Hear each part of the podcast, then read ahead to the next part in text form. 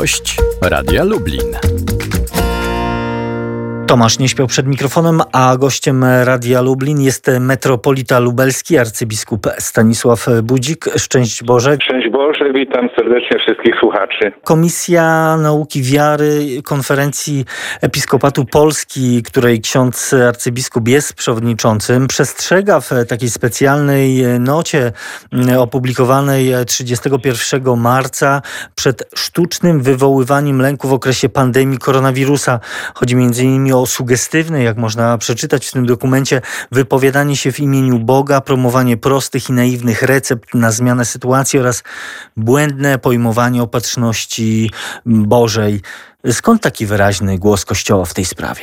Ten e, dokument e, przygotowaliśmy na prośbę przewodniczącego konferencji Episkopatu Polski, księdza arcybiskupa Stanisława Gondeckiego, który właśnie prosił, żeby taki głos Kościoła też był słyszany w tym czasie bo jesteśmy doświadczeni wydarzeniami niezwykłymi, sytuacjami, jakich w życiu nie przeżywaliśmy.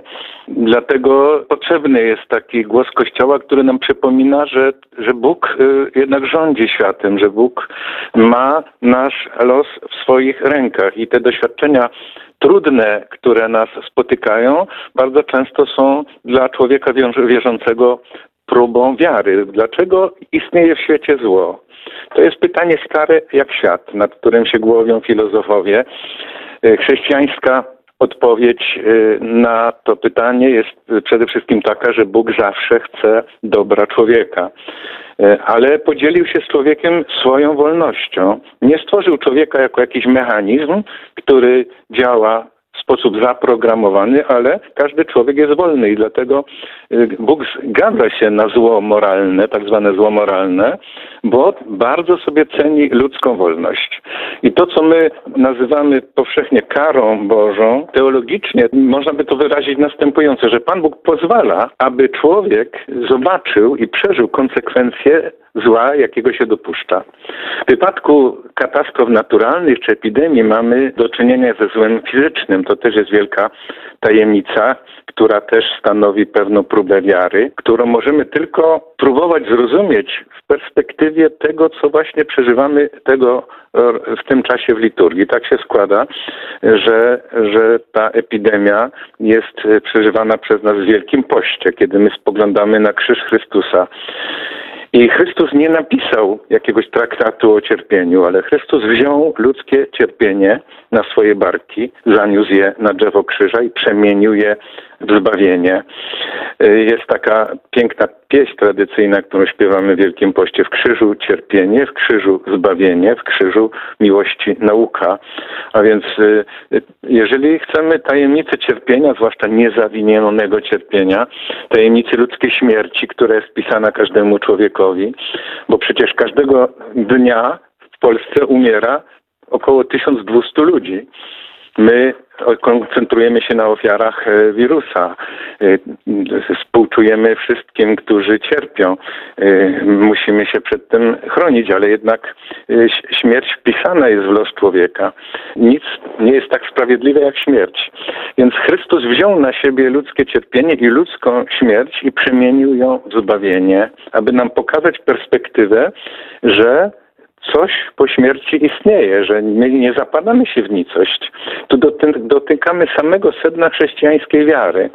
Śmierć nie jest dla człowieka największym nieszczęściem, bo wcześniej czy później y, staniemy przed bramą śmierci. I pytanie, co jest z tamtej strony? I dlatego też w, w, tym dokumencie ksiądz arcybiskup e, podkreśla, że w tym trudnym e, czasie także Kościół e, ma ogromne, ważne zadanie być sakramentem nadziei. No właśnie, to, to jest ogromne wyzwanie, ale jednocześnie i szansa dla Kościoła? Tak się składa, że my 15 lat temu przeżywaliśmy śmierć świętego Jana Pawła II. Jan Paweł II był nazywany, jest taka biografia Weigla y, na temat papieża, jedna z najbardziej znanych w świecie, jako świadek nadziei. On był tym szczególnym świadkiem nadziei. On nas też nauczył właśnie 15 lat temu, jak odchodzić y, z tego świata w pokoju z Bogiem. I on y, cały czas, od samego początku swojego pontyfikatu mówił, nie lękajcie się, Wiedział, że lęk jest czymś, co paraliżuje człowieka, coś, co, co e, przeszkadza mu wypełnić jego zadanie, jego powołanie. I dlatego Kościół powinien głosić tę nadzieję najpierw życia wiecznego, tę podstawową nadzieję. To święta wielkanocne to jest zwycięstwo życia nad śmiercią jeżeli przyjmujemy perspektywę życia wiecznego, to zupełnie inaczej się ustawiamy w życiu doczesnym. Wiara w życie wieczne sprawia, że ogromnie sobie cenimy życie doczesne. Życie doczesne jest y, wielkim darem.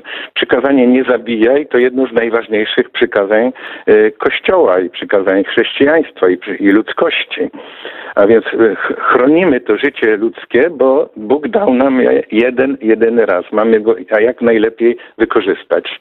I to mówi nam wiara, ale także mówi nam rozum. Właśnie tutaj apelujemy w tym dokumencie o to, aby pamiętać, że rozum i wiara to, jak mówił Jan Paweł II, jakby dwa skrzydła, przez które duch ludzki unosi się do kontemplacji prawdy. Nie ma sprzeczności między rozumem i wiarą. I w związku z tym mamy stosować wszystkie środki, aby to życie ludzkie ocalić, aby je zachować, aby, aby przywracać człowiekowi zdrowie, nie zapominając jednak o perspektywie życia wiecznego, że śmierć nie jest nieszczęściem, ale jest przejściem z życia do życia. Kolejna e, sprawa e, to konieczne dla walki z epidemią ograniczenia swobody przemieszczania się i gromadzenia, które no także, co naturalne, mm, dotykają wiernych, pozbawionych tego bezpośredniego dostępu do sakramentów, do możliwości uczestnictwa w nabożeństwach.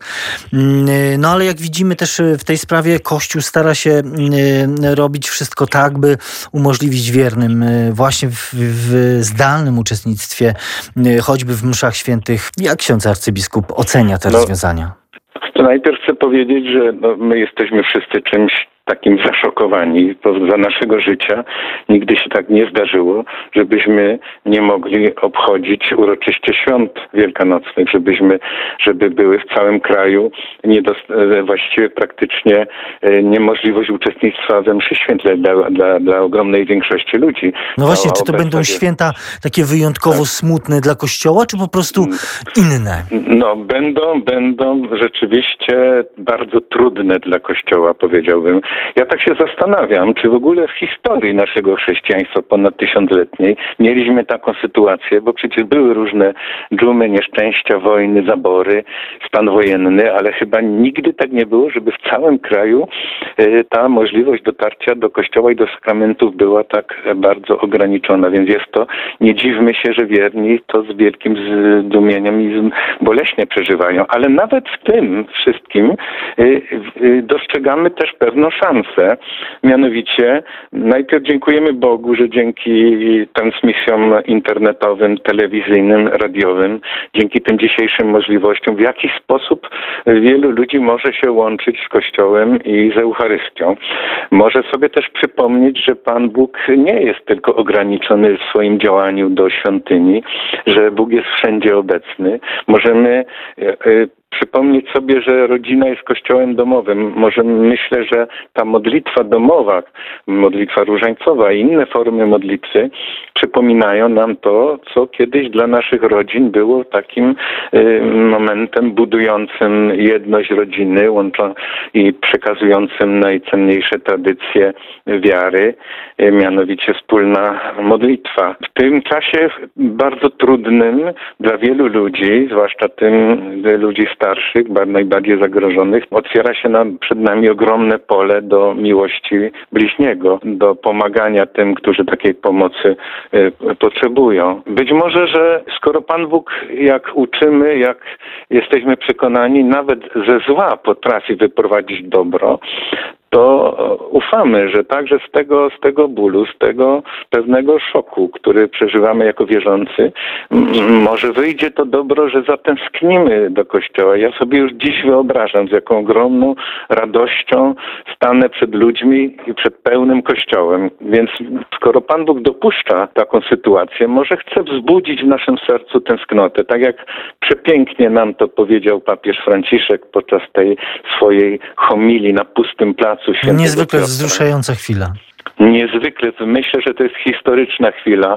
Ja ją porównuję z tą sytuacją, kiedy na placu Świętego Piotra żegnaliśmy 15 lat temu Jana Pawła II i ten wicher, który zamknął Księgę Ewangelii na jego trumnie na oczach całego świata. Ta scena z papieżem Franciszkiem na pustym placu Świętego Piotra. Myślę, że to jest chyba jego najlepsza homilia, e, jaką dotąd powiedział. Niezwykła, przejmująca. I, i oczywiście nie uważamy tych wydarzeń, które Okay. Się dzieją jako karę Bożą w znaczeniu, że Pan Bóg się chce nas, na nas zemścić. Pan Bóg jest miłosierny. Pan Bóg chce naszego dobra, przede wszystkim naszego dobra. Ale papież nam też pokazał, że jest to okazja do zrobienia sobie rachunku sumienia i ten rachunek sumienia sobie robimy już na różnych poziomach, także na poziomie ekonomicznym, politycznym, ale także my wierzący powinniśmy sobie zrobić e, właśnie solidny rachunek sumienia. Co się mamy z tej, z tej katastrofy katastrofy nauczyć, jak już dzisiaj zaplanować e, korekty w naszym życiu, w naszym działaniu. Ta sytuacja pokazuje nam, co w naszym życiu jest najważniejsze. A więc najważniejsze jest życie ludzkie, bo jest bezcenne, ale jeszcze ważniejsze jest życie dla, dla wierzącego, życie wieczne. Życie doczesne się wcześniej czy później skończy. Natomiast dla nas jest ważne życie wieczne i w związku z tym tak kształtujemy nasze życie doczesne, nasze relacje z ludźmi, tak budujemy wspólnotę międzyludzką, abyśmy kiedyś mogli się tą doskonałą wspólnotą w życiu wiecznym y, w perspektywie zmartwychwstania radować. Metropolita lubelski arcybiskup Stanisław Budzik był gościem Radia Lublin. Bardzo dziękuję. Dziękuję serdecznie.